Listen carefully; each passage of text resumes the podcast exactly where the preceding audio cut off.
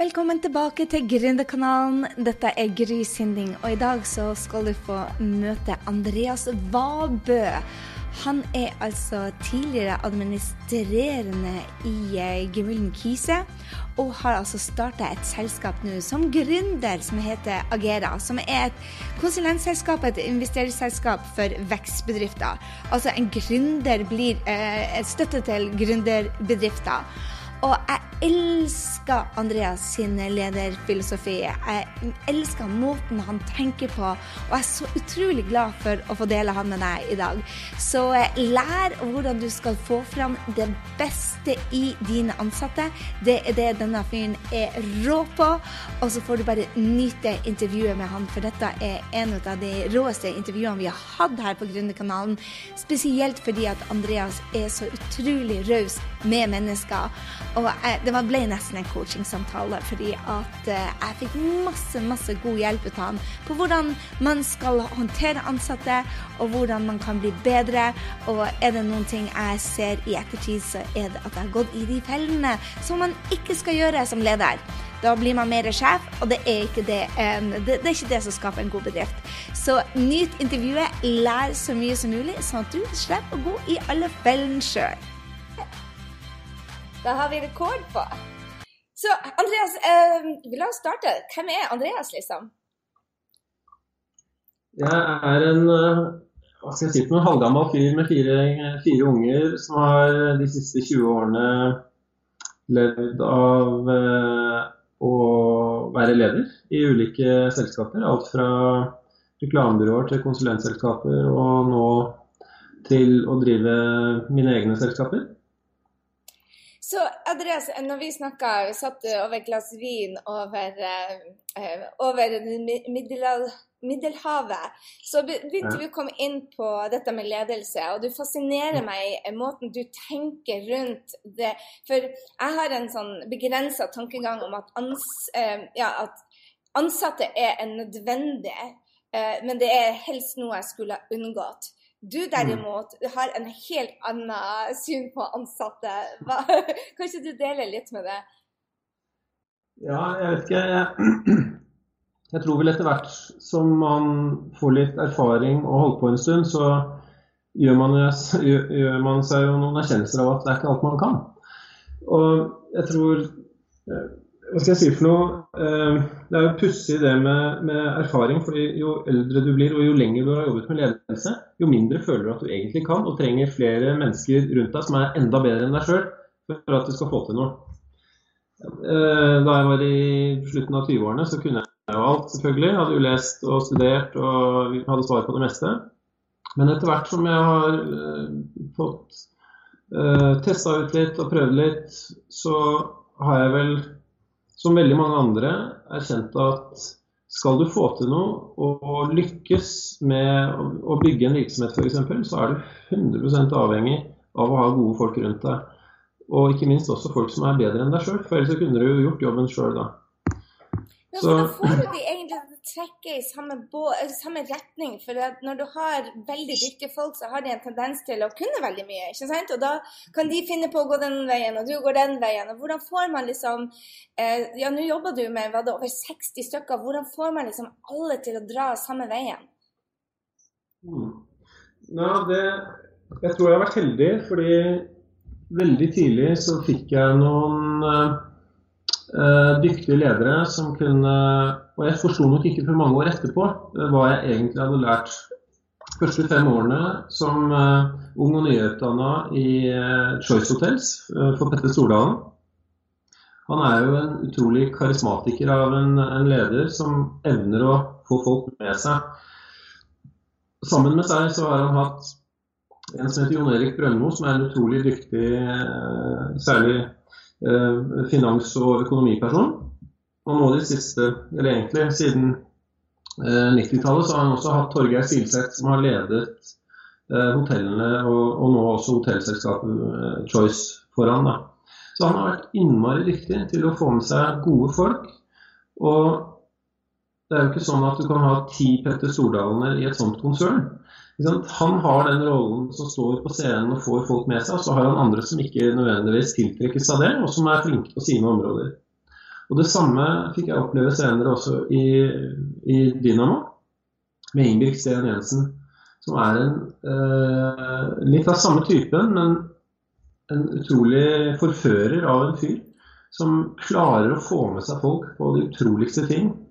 Og det skaper et samhold og en tilhørighet til en kultur som jeg tror var noe av nøkkelen til at eh, Dynamo ble det det ble da, de, de årene fra de etablerte seg fram til midten ja, sånn 2006-2007. Og så har jeg selvfølgelig selvfølgelig den tida hvor, hvor, jeg føler at jeg har vært på, på opplæring, eh, sett hvilke effekter det gir. Og jeg har også både som rådgiver vært i kontakt med, med ledere som ikke har skjønt dette her som har hatt en oppfatning av at ledelse handler om å bestemme det å være sjef. Og i det å være sjef så legger de at uh, det handler om å kontrollere og uh, å være en person som uh, får en slags rus av den statusen det innebærer å være leder. Og Da tenker jeg at veldig mange har, har valgt lederyrket, eller ledervervet, eh, av litt feil motiver. For jeg tror eh, du har en makt som leder man ikke skal undervurdere. Dessverre så er det veldig mange ledere som misbruker den makta. Eh, enten til å undertrykke eller eh, forgripe eller eh, tilegne seg eh, fordeler som de ikke burde ha gjort. Men isteden så kan du bruke den makten heller som en form for innflytelse. En innflytelse til å sørge for at de menneskene som er rundt deg, får ut det beste potensialet sitt. Hva gjør det for at de skal få det beste potensialet ut av seg?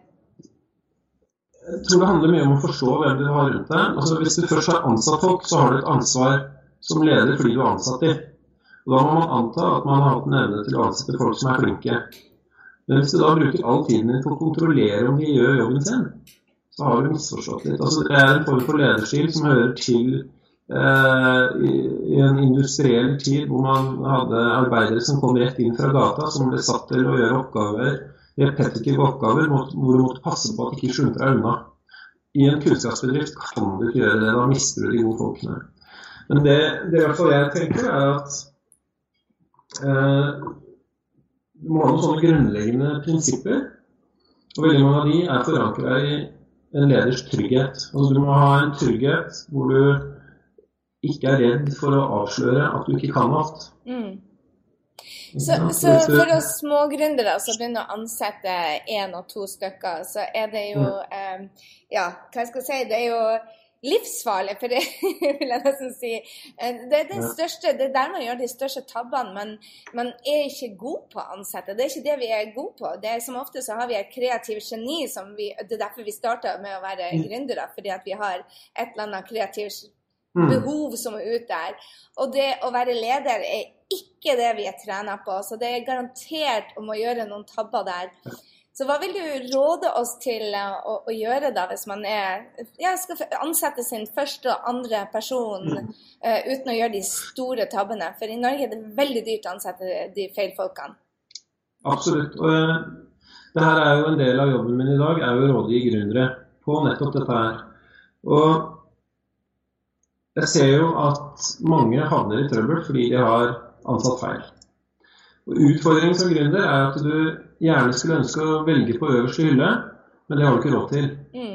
Så veldig ofte så må du kanskje få hjelp av folk som gjør det på deltid, eller eh, eh, på heltid, som kanskje ikke er top notch, fordi de ville kanskje velge å jobbe et annet sted. Men jeg tror det er de samme grunnleggende tingene som gjelder uansett. fordi hvis du tenker at folk er folk altså Vi gjennom alle tider, så lenge det har vært mennesker på jorda, så har vi vært drevet av omtrent de samme tingene. Grunnleggende eh, behov i oss mennesker.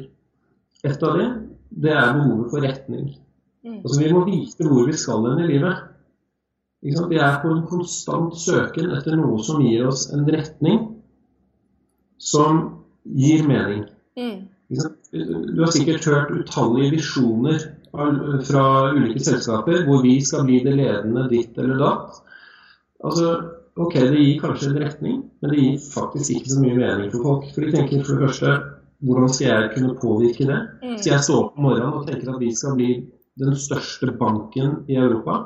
Ja, jeg har ikke noe innflytelse på det i min eh, jobb som resepsjonist f.eks. Eller eh, eh, finansdirektør til og med. Kanskje det er vanskelig nok å, å, å tenke at du har en mulighet til å påvirke det. Så Derfor så tror jeg ledere må forstå hvordan folk funker. Hvis du ser på eh, helt tilbake fra vi var eh, jegere og sankere, eller vi levde inne i, i jungelen i, i stammer, så hvordan er det stammer fungerer? Hvordan er det de formidler historiene fra tidligere generasjoner? Det skjer ofte rundt leirbålet. Og det De gjør da er at de eldste står og forteller historiene om det de gjorde før. Hvordan de fanget de store dyrene, og hvordan de flådde de. Og, ikke sant? Så det, det, evnen til å sitte og fortelle lange historier og sitte og lytte til det, det er noe vi alltid har likt. Så hvis vi tenker oss da til retning eh, som gir mening for folk, presumptivt skaper tilhørighet. Mm. Det å høre til et sted er også noe som alltid har vært viktig for oss. Og hvis du ikke hører til, så søker du tilhørighet. Og det, Før i tiden så var det kjernefamilie der vi hørte til. Men med oppbruddet av normsamfunnet da, så uh, springer folk inn og ut av ulike roller hele tiden. Altså, du kan være medlem av en fotballklubb, eh, en fanklubb f.eks., eller Vålerenga-klanen. Hvordan opptrer du da? Da, tar, da går du ut av den rollen du har hatt, og inn i en midlertidig rolle mens du står på tribunen eller er sammen med den gjengen. Og så er du kanskje med i en menighet. Og der hører du til på en annen måte. Du kan faktisk gjøre begge deler. Jeg er helt sikker på det er veldig mange som er med i Vålerenga-planen, som også er med i en menighet. Mm. Forskjellen på disse samfunnene, da, mikrosamfunnene, er at de har ulike retninger og ulike meninger for folk. Men de bruker også eh, hjelpemidler til, og det er f.eks. felles symboler, felles ritualer Felles historiefortellinger, myter og kanskje også felles fiender. Se bare på hvordan kirken er bygget opp. ikke sant? Du har Gud på den ene siden, og så har du den felles fienden, han er i bakken hvor eh, flammene står. Delen. Korset som symbolet. Lovsangene og alt det som henger sammen med hva man gjør sammen. Mm. Det skaper en voldsom tilhørighet. Og de samme mekanismene i dagens bedrifter da, Eh, er på en måte et substitutt for mangelen på tilhørighet kanskje andre steder. Og Derfor så drar vi av gårde på Før, i tida så dro man jo på Bolkesjø og gikk på glødende kull og hadde teambuilding-aktiviteter og sånn. Nå gjør vi det hos Eh. Tony Robbins. Ja, ikke sant? Men, men hvis, hvis vi anerkjenner da, at mennesker har behov for å bli sett, de har behov for å vite hvor de skal hen i livet, og i hvert fall folk som Tenk deg noen som har studert i seks eller ti år, har selvfølgelig behov for å få anerkjennelse for det, alt det de har investert i egen kompetanse. Hvis du da har en leder som bare er opptatt av å kontrollere deg, vel, det er kanskje ikke det mest inspirerende du kan oppleve. Du får liksom ikke utfolda deg aktivt. Så jeg tror hvis man slutter å se på ledere som sjef De gangene jeg blir kalt for sjef, så korrigerer jeg de som gjør det. For jeg sier jeg er ikke sjefen. Jeg er en leder som eh, kan gå foran, men jeg skal, jeg skal ikke være den som bestemmer over deg. for Jeg vil at du skal ha medbestemmelsesrett og være bestemmer over din egen hverdag. Og gjennom det så ansvarliggjør jeg deg. Mm. Så når du går feil, hvordan kan du korrigere da? For jeg føler det at akkurat nå, helt ærlig, jeg er en sjef, og jeg er en jævlig dårlig sjef. Så hvordan er det å korrigere kursen da, når du eh, har begynt å For som gründere så har du som ofte stålkontroll på absolutt alt når du, Mm. du er alene. Og så skal du gi fra deg biter, og, så skal de, og de som ofte så er det jo mye bedre eh, enn deg. Sånn som jeg har en, en, eh, en hos meg som, gjør, som er fantastisk dyktig på sosiale medier. Mm. Og så er det liksom den overgangen da fra at jeg er kontroll til hun er kontroll, den er utfordrende, kjenner jeg. Ja, Hun, er helt ny, og jeg bare jeg ser daglig at det gjøres feil. Og jeg bare Å nei, babyen min blir ødelagt nå. Ja, det, det forstår jeg, fordi det er jo en affeksjonsverdi til det du driver med, ikke sant? mm, Jeg har, har det jo på samme måten med, med mine selskaper, men jeg tror folk rundt deg vet hvor mye det betyr for deg. Du trenger ikke å si det. Okay. Det gjør at, gjør at, de behandler det også med respekt. Mm. For ellers så går, er det egentlig bare en følgefeil at du har gjort en feil ansettelse. Mm. Ikke sant? Hvis du, hvis du ansetter folk som bare er ute etter å tjene penger, men ikke brenner for det samme som deg, så det, det her har i hvert fall jeg opplevd selv de årene i, som leder for Gelman Kise. Det eneste jeg hadde fokus på, det var jo kultur, menneskene, og fortelle hva vi skulle bygge sammen. Og så fikk jeg jo de med Jeg var veldig tydelig på forutsetningene, altså hva jeg forventer for at vi skal få til dette sammen. Så du, du må ha uh, en tydelighet og avklare for, forventningene uh, til de menneskene du har rundt deg. For hvis ikke du gjør det, så blir de uh, usikre. Men eh, det er jo akkurat som å sette meg ned med en, en, eh, en seniorrådgiver og så spør jeg hva tenker du? Vi skal sammen få til å bygge dette selskapet, og vi skal oppnå dette. Hva tenker du at ditt bidrag kan tilføre, og hvordan ser du for deg å gjøre det? Så sier kanskje denne seniorrådgiveren at vet du, jeg basert på min egen erfaring og hvor jeg har vært andre steder, så har jeg fått til dette og dette. Og så sier jeg kanskje igjen da ok, hvis vi skal oppnå litt mer, hva trenger du da for å få til det? Og hva forventer du av meg som lederen din at jeg skal bidra med for at vi skal lykkes sammen?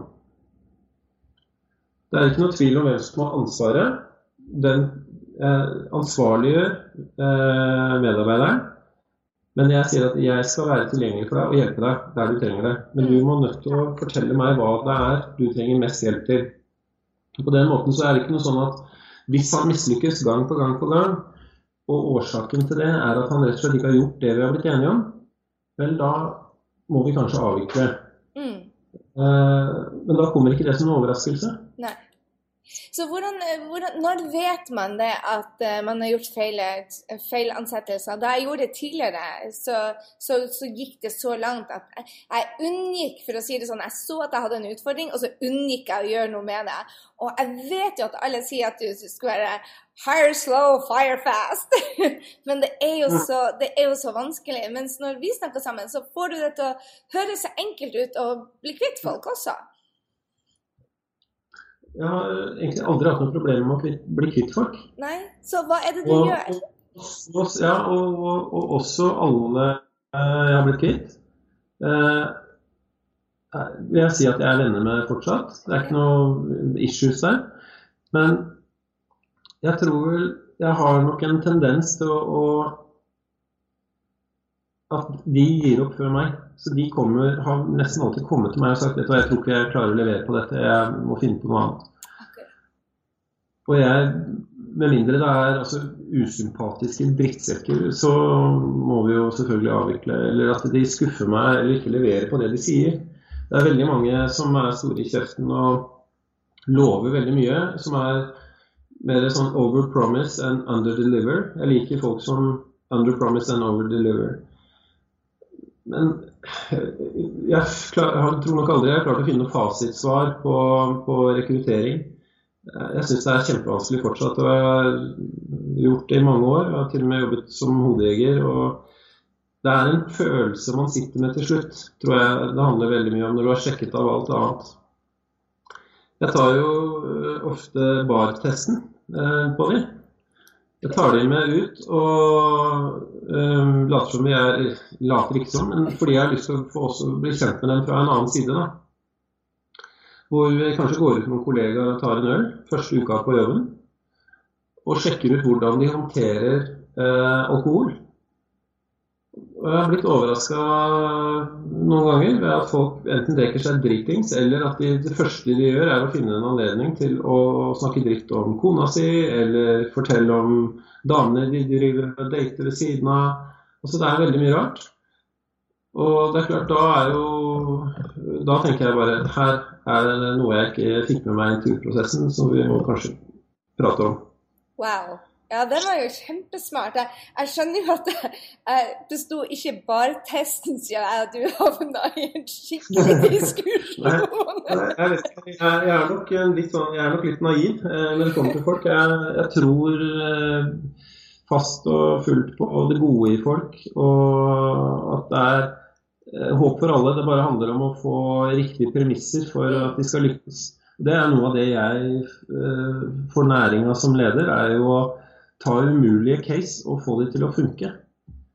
Ehm, det er noe jeg syns er en utfordring å få til det. Og jeg, jeg har hatt mange som har vært oppfattet som relativt gjennomsnittlig, gjennomsnittlige. Verken noen sånne supertalenter eller bare gode karakterer på skolen. Men som har overraska meg positivt. Både fordi de får tillit, eh, de får en anerkjennelse, og de får ikke minst oppfølging ved at det er noen som gidder å se dem og interessere seg for, for, det de holder på med. Jeg tror det er veldig undervurdert, det å se folka dine. Og det, det da, må ha, da, må du ha, en lederhverdag som gjør at du har tid. Mm.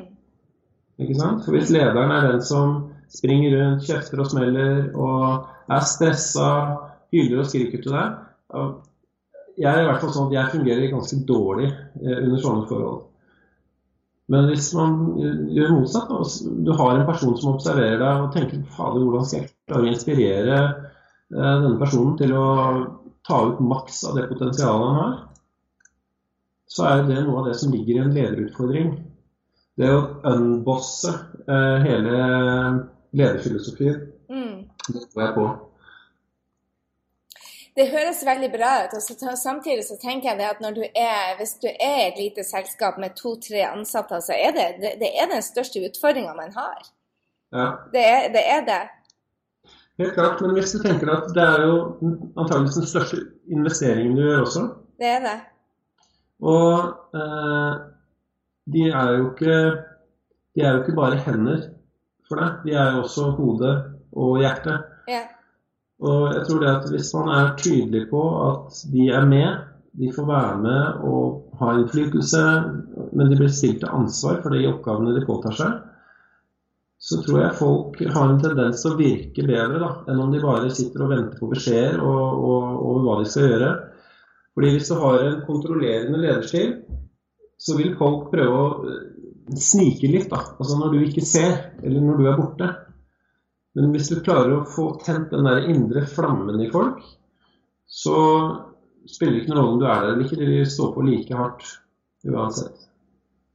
Jeg tror det er sånne veldig grunnleggende uh, krefter i, i hvert fall folk flest som har lyst til å gjøre en god jobb. Ja, jeg er helt enig. Jeg har hatt en sjef som jeg må si Halle frikken Luja. Emil Stampe heter han i, eh, i IBM. Og det var jo den, den, lederen som du sier, som så meg. Han så jeg var gravid før både legene og jeg visste det. Så han hadde bare blikket. Han lurte alltid på hvordan det gikk for folk. Så du følte en sånn um, Du vil gjøre han stolt. Om ikke du vil gjøre en god jobb fordi, for han skulle bli stolt, rett og slett. Og eh, de 20 årene jeg var, eller unnskyld, de 14 årene jeg var i konsulentbransjen, så tror jeg han var den eneste lederen jeg følte virkelig kunne Han, han fikk altså Det var mange gode ledere der, men han var den som fikk potensialet ut av gråsteinen, for å si det sånn. Mm. Og det var den mm. ene lederskap, egenskapen jeg ser nå når du sier det, at han hadde Han, han, så, han så, mennesker, rett og slett. Ja. Jeg har Min opplevelse er at uh, veldig mange ledere overkompliserer det å være leder. Altså, og så undervurderer de uh, betydningen det har i å se folk og være rett og slett menneskelig. Mm. Men det er veldig mange som ikke tør det, fordi de, de, tror at de mister autoritet ved å vise seg sårbare eller senke garden. Men, eh, men hvis de prøver det, så tror jeg man vil se en utrolig respons. Mm. Så absolutt. Så, ja, jeg tenker i hvert fall sånn, sånn hos meg i dag at hvis jeg kan gjøre bare det bare jeg kan gjøre mesteparten av tiden, og så får jeg andre til å gjøre alt som jeg ikke må gjøre. Så jeg delegerer 90% av, av oppgavene. Og så er vi ganske enige, tror jeg, om forutsetningene og forventningene til de oppgavene. Altså både på tid, budsjetter, eh, innhold. Sånn at jeg setter retning. Og så lar jeg de få jobbe i fred. Og så kommer jeg heller, når de kommer til meg for å vise meg hva de har gjort, så kan jeg eh, komme med nye ideer eller komme med verdiøkende forslag da, til det de allerede har gjort. Istedenfor å sable de ned og si at hva faen er det du holder på med, dette her går jo ikke. Uh, det, det, er en stil som har fungert for meg. Jeg ser hva, hvilken effekt i hvert fall det har hatt på de, de jeg har hatt, uh, hatt hos meg i de årene jeg har vært leder. Jeg ser eh, En ting som, som, går igjen eh, Jeg har snakka med Ida Vollvik i dag også. Han er en fantastisk mm. inspirerende leder. Eh, og han mm. også har gjort to ting som jeg legger merke til hos dere. da, Det er at dere stiller gode spørsmål til folk. Dere forteller dem ikke hva de skal gjøre. Mm. Eh, det er den ene. Og, eh, og, det andre er det her at dere fokuserer på det dere er gode på. Han delte med meg at han var god på problemløsning. Du deler det at du er god i å, å se mennesker. og, og komme med eh, input istedenfor å fortelle hva de skal gjøre. Så der er noe sånn kjennetegner. Mm. Kjempespennende. Så eh, en av de tingene som det å være ut, som gründer føler jeg er den største utfordringa, eh, er en dette med å være god leder til de, de, som jobber sammen med deg. Og den andre er eh, dette med å vite hva Når skal du når skal du satse fullt, og når skal du trekke deg tilbake eh, på nye prosjekter? Hvordan, for Det handler jo det hele om å holde fokus. Og Nå holder på du å eh, lage ditt Agera, det gründerhuset i Oslo, og du har masse nye ansatte. Hvordan holder du fokus på det som er kjernevirksomheten din når du har Du er jo en popkornmaskin av ideer. Jeg har ikke vært lammet med noen som har så mye ideer som du har. Eh, det er jo kanskje en av de tingene jeg er god på. Da. Det er jo å eh, komme med disse ideene.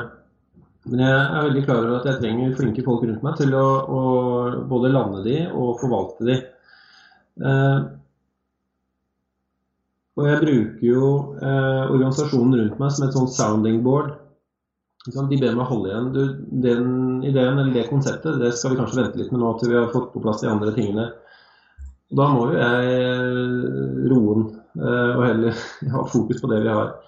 Men vi har jo eh, Partnerne mine da, de eh, eh, har jo fått et ansvar innenfor de ulike forretningsområdene som vi har.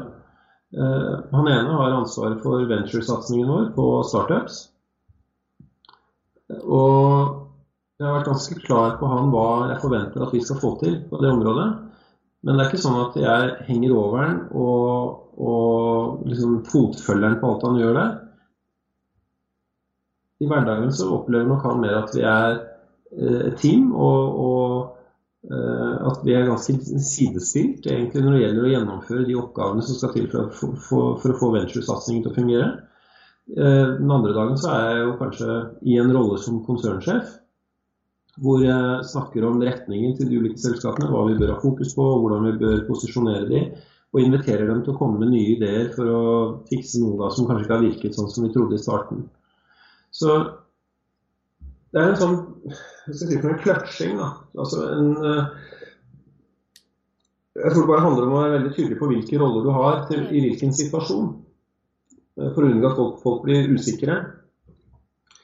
Eh, sånn at det å delegere handler jo også om å forstå om personen har kompetanse til å gjennomføre oppgavene. For hvis du delegerer noe til noen som ikke har kompetanse til å gjennomføre, så ender det jo med katastrofe og, og usikkerhet. Mm.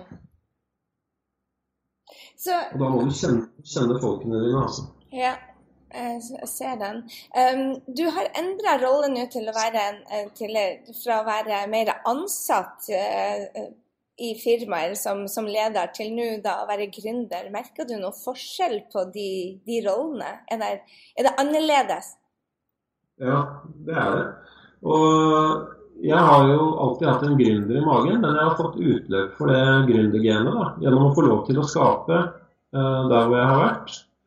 Uh, jeg har jo vært leder nå i 20 års tid i ulike selskaper, hvor jeg har fått lov til å komme inn og, og både jobbe med endring og videreutvikling av de selskapene jeg har hatt ansvar for. Uh, jeg, har noe, altså jeg, har ikke vært drevet av økonomien personlig i det. Uh, så Derfor har heller ikke liksom, eierskapet i seg selv vært avgjørende. Jeg har vært mer drevet av oppgavene og, og for å se om jeg ville klare å gjennomføre det. Men det er klart, nå hvor man har begge rollene, egentlig, både som leder for de selskapene, men samtidig også eier for dem, eh, så tenker man jo litt annerledes som eier enn man gjør som leder. Mm. Fordi det er din egen lommebok. Eh, og konsekvensene er også veldig personlige hvis ting ikke fungerer. Og det er klart Jeg kjente jo på det da vi tegna en tiårskontrakt på Madserud gård. Uh, før jeg hadde liksom helt klart for meg hvordan disse selskapene skulle generere inntekter. Uh, det er jo en tiårskontrakt på ja, 50 millioner kroner. Gærne veien. ja, du skal tjene litt penger for å dekke husleia? Det, det er jo litt kroner. Og, og jeg satt der for halvannet år siden mutters aleine på 2000 kvadratmeter og syntes, syntes jo selvfølgelig det var litt uh, ugreit. Men da var det jo bare å begynne å jobbe. Jo, det var ingen som hadde tvunget meg til å gjøre det der. Fikk med meg flinke folk, og så har vi bare bygd stein på stein. Og jeg tror det bare handler som leder, da, at du tror på noe, og at du gutser. Det ser folk i deg. Altså Folk avslører deg hvis du ikke tror på din egen idé. Det er som Du vil ikke gå om bord i en uh, seilskute nede i havna som, uh, hvor skipperen er usikker på om han kommer ut havnebassenget eller ikke. Så han tenker fader eller jeg tror jeg blir på brygga og ser hvordan dette går. Men en, en skipper som bare er liksom sterk i trua og, og, vet akkurat hvordan du skal gjøre det, og fordi man skal på en reise som er viktig for noen andre, da, da tror jeg folk slipper det de har igjen av, og blir med. Tror du det er forskjell da på jenter og gutter der, Andreas? Fordi sånn som jeg ser det som så, så ofte så utstråler gutter mer den sikkerheten om at det blir å klare den der indre, den indre selvsikkerheten om at dette blir Jeg vet ikke helt hvordan jeg skal klare det, jeg bare vet jeg kommer til å klare det. Mens mange av mine gründerjenter har den der i seg den at jeg vet ikke alle stegene, så derfor så tør jeg ikke hoppe før jeg vet det. Mens mm. jeg, Tror du det er kjønn, eller tror du det er, kommer personlig avhengig? For jeg kjenner jo begge deler, menn som er usikre òg. Ja, jeg, jeg, tror, eh, jeg tror ikke det har nødvendig, i utgangspunktet noe med kjønn å gjøre. Men dessverre så tror jeg ofte at jenter har altfor ofte blitt holdt nede fordi de er jenter. Uh, og det, det, er ikke deres feil. Det er jo jeg tror mer menn uh, som er Min opplevelse av det er at jentene ofte er mye flinkere, men gutta er litt mer uh, breiale og tøffe i trynet. Exactly. Og så tror de at de kan lure seg unna med det. Men ta deg selv som et eksempel. Da. Eh, du har jo mye mer guts og, og, mot enn det veldig mange menn jeg kjenner har. Så jeg, jeg tror ikke det nødvendigvis har noe med kjønn å gjøre. Jeg tror det har litt med hva du har blitt eksponert for å gjøre, og ikke minst også kjønnsrolleidealer, som jeg håper for guds skyld eh, viskes ut på den måten der sånn. Og jeg har eh, jeg har, tror jeg de erfaringene mine med folk som har lykkes hos meg eh, Altså det er, det er så ufattelig mye flinke jenter. Hvis de bare får lov til å slippe til. Mm. Uh, gutta er litt mer brautende. Det er mer testosteron og trøkk noen ganger. Men det er ikke dermed sagt at de er mer kompetente. altså. Det er jeg helt enig i. Som ofte så er i hvert fall, altså, Som ofte sier jeg lyver nå litt, men, men det er like mye kompetanse, men det høres så mye mer når det er ja. når gutta brøler enn når jentene er i hjemmeceller. Ja, og det Da tror jeg bare det er igjen tilbake til det med ledere, at de, de evner å, å, se folk da, på riktig mm. måte og gi dem de mulighetene uavhengig av, av kjønn. Mm. Ikke sant? Det er noen ledere som uh, får en sånn liten klan av kompiser internt i selskapet som ligner litt på dem selv. Ikke sant? Ja. Du har sett det sikkert? ja, men så ser jeg også at jeg ansetter folk som er lik meg sjøl, for da blir det sikkert mindre trøbbel. Men det er ikke så smart, det heller. Jeg tror på divers tenkning ja, og, og, og, ulike bakgrunner, men man må dele trua på den samme uh, storyen og samme retningen. Det tror jeg er viktig. Der kan det ikke være noe Det kan ikke være sånn at Igjen da tilbake til dette, denne seilskuta. Det, det, kan ikke være sånn at halvparten av mannskapet i sørover og halvparten i nordover, og ingen er i stand til å bestemme hvor vi skal hen. Da blir det rot. Jeg tror det jeg tar med meg mest fra denne læringa fra deg, eh, Andreas, det er at eh, en av de tingene som jeg ikke har skjønt før i dag, jeg har hørt det, jeg leste det, jeg forstår det, men jeg har ikke implementert det, det er dette med at faktisk selv om du er bare fem stykker i et firma, så må man ha en retning. Og hvis mm. man har et eh, Selv når man har et internettselskap hvor alle jobber på, på mange kontinenter, vi er jo på fire kontinenter, så må man ha en retning. Og der tror jeg tror du har spart meg for mange feilansettelser og for mange kroner, for det er det jeg skal sette meg ned og jobbe med nå, altså. Tusen takk. Ja, det, det, behøver jo ikke å være så veldig komplisert. Nei. Ikke sant? Og, det, eh, og den vinkelen ut av hoppkanten Noen lander på tribunen, mens andre lander liksom i bunnen av bakken. Og Det er en av de tingene jeg ser oftest, er ledere som er utydelige på retningen. Mm. Og Så finner de kanskje retning, men det er bare de som har eierskap til retningen, og ingen andre. Så tror de da at andre skal følge dem, og for å få dem til å gjøre som de vil, så begynner de å bestemme at de skal følge dem. Og det blir jo ikke veldig motiverende. Så finn en retning som gir mening sammen med folk. Da vil du skape tilhørighet. Mm. Jeg tror det, det, er ikke det at jeg tenker å bestemme over dem, men jeg tenker det at de skjønner hva jeg mener. Jeg, jeg har en sånn tendens til å tro at folk bor inni hodet mitt. Uh, mm. og, det, og, det, gjør de jo ikke. Så, så, så jeg skjønner at jeg har vært utydelig etter denne samtalen. En annen ting som jeg lurer på hvordan du håndterer, er nå når du har gått fra, fra å være eh, leder hvor du ikke eier selskapet, til når du eier det her.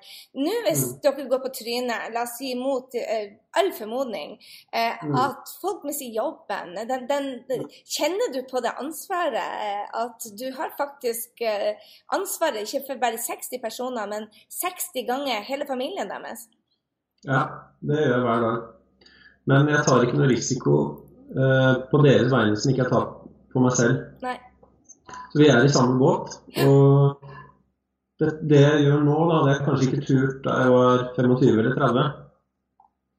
Fordi nå vet jeg mye mer. Jeg har vært ute noen internetter og kjent på kulda og testa litt og gått på noen smeller og, og hatt suksess. Så jeg, jeg, vet mye mer hvor grensene går hen, og hva, hva som er risikabelt og farlig men også hva som er på innsiden. Så man skal jo ikke drive eh, sjansespill, men igjen, da, eh, så er jo ting en konsekvens Altså det som skjer, er en konsekvens av at du har gjort noe annet riktig eller galt. Det å gå gjennom sjekklistene dine og være sikker på at du har liksom tatt ansvar for de tingene før, så bør det, eh, med mindre du fucker opp totalt, eller at bunnen går ut av markedet, eller ting du ikke kan forutse, mm. så, så, bør det eh, stort sett gå greit. Og i hvert fall hvis du har med deg flinke folk som kan en masse ting som du sjøl ikke er verdensmester på. Eh, som gjør at du dekker på en måte spennet av de tingene da, eh, som må til for at en virksomhet skal kunne fungere. Så Du må ha noen som er gode på salg, noen er gode på produktet, noen er gode på økonomi, og noen er kanskje eh, gode på rekruttering og HR hvis du skal bygge en organisasjon. Mm. Men er, i enhver virksomhet så er det noe av det vanskeligste du gjør, det er å skalere organisasjonen. Fordi du må tjene penger samtidig, og så skal du helst time det sånn at folk begynner på den tiden du, du får inntektene. Og ikke får noe lag eh, eller tidsforskjell der. Det, det er kjempekrevende. Mm. Uten tvil. Du, leste du bøker, Andreas? Det gjør jeg. Hvilken er din eh, bokfavoritt som eh, vi trenger å lese? Da tror jeg, eh, Hvis det skal være en bok om eh, ledelse, så ville jeg lest boken 'Unboss', som handler faktisk om mye om det jeg snakker om her.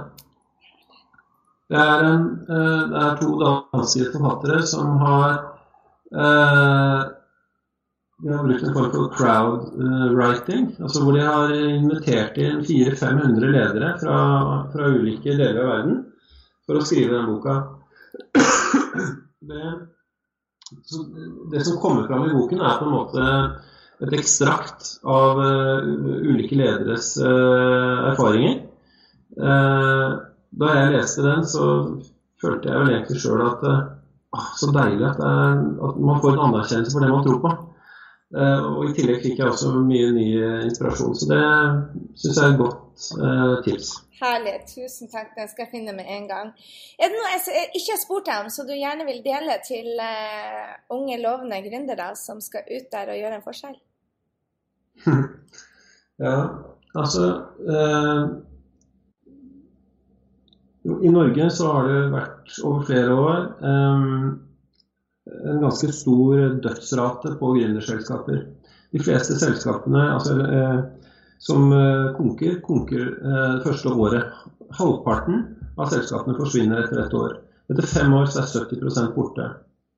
Årsak nummer én er 'not the right team' veldig ofte. Eller at de da ikke hadde sjekket markedet godt nok. De har veldig mye fokus på produktet sitt, men ikke nok på hvordan de skal selge det. Eller om det i det hele tatt er et behov for det der ute. Så jeg tror det, Hvis jeg skulle gi ett råd, sørg for å eh, lytte til folk rundt. Ta signalene fra markedet og eh, juster underveis. Ikke forelsk, altså Man må ikke forelske seg i ideen og bare si at det er alle andre som tar feil. Så jeg skal kjøre på dette anyhow. Eh, fordi man har hørt om, eh, om, Sony Walkman, hvor man fant opp en Walkman og tenkte at det er rett og slett fordi folk vet ikke at de trenger en Walkman. Det er veldig få av de historiene der. Også. Så eh, det er, selv om det er en gründerbølge som skyller over landet nå, så er det fortsatt ikke noe enklere å bygge en suksess for en virksomhet. Det er noen universelle lover som fortsatt gjelder. Tusen hjertelig takk for at du har delt. Jeg har lært så mye. Jeg har masse notater. Tusen, tusen hjertelig takk, Andreas. Du er i stjerne. Tusen takk. Det var altså Andreas Svabø, en fantastisk fyr og bare lært, lærte så mye. Jeg håper du også har lært utrolig mye, og at du tar deg tid til å gå inn og rate oss på, på eh, iTunes hvis du har anledning. Vi har fått en rå evaluering fra Line Teresa, som skriver at eh, Line Therese er fra Moss, til og med. Dette må du få med deg, gitt oss fem stjerner. Du, eh, som alltid, utrolig mye å lære eh, her på Grunnkanalen. Hun deler raus av sine eh, andre gründers erfaring med visdom. Vel verdt å få med seg. Og jeg håper det at dette var virkelig en sånn visdomsintervju med Andreas som du satte pris på. Ta deg tid til å gå inn og rate oss på Gründerkanalen, og så høres vi allerede i neste uke. Da med en ny trening fra meg. Ha en strålende uke, og stå på så lenge, kjære gründer. Du vet det at kundene dine venter på akkurat du skal få fingeren ut til å komme og hjelpe dem. Det handler om å ta action hver eneste dag. Så rock on, kjære venn, og så høres vi neste uke.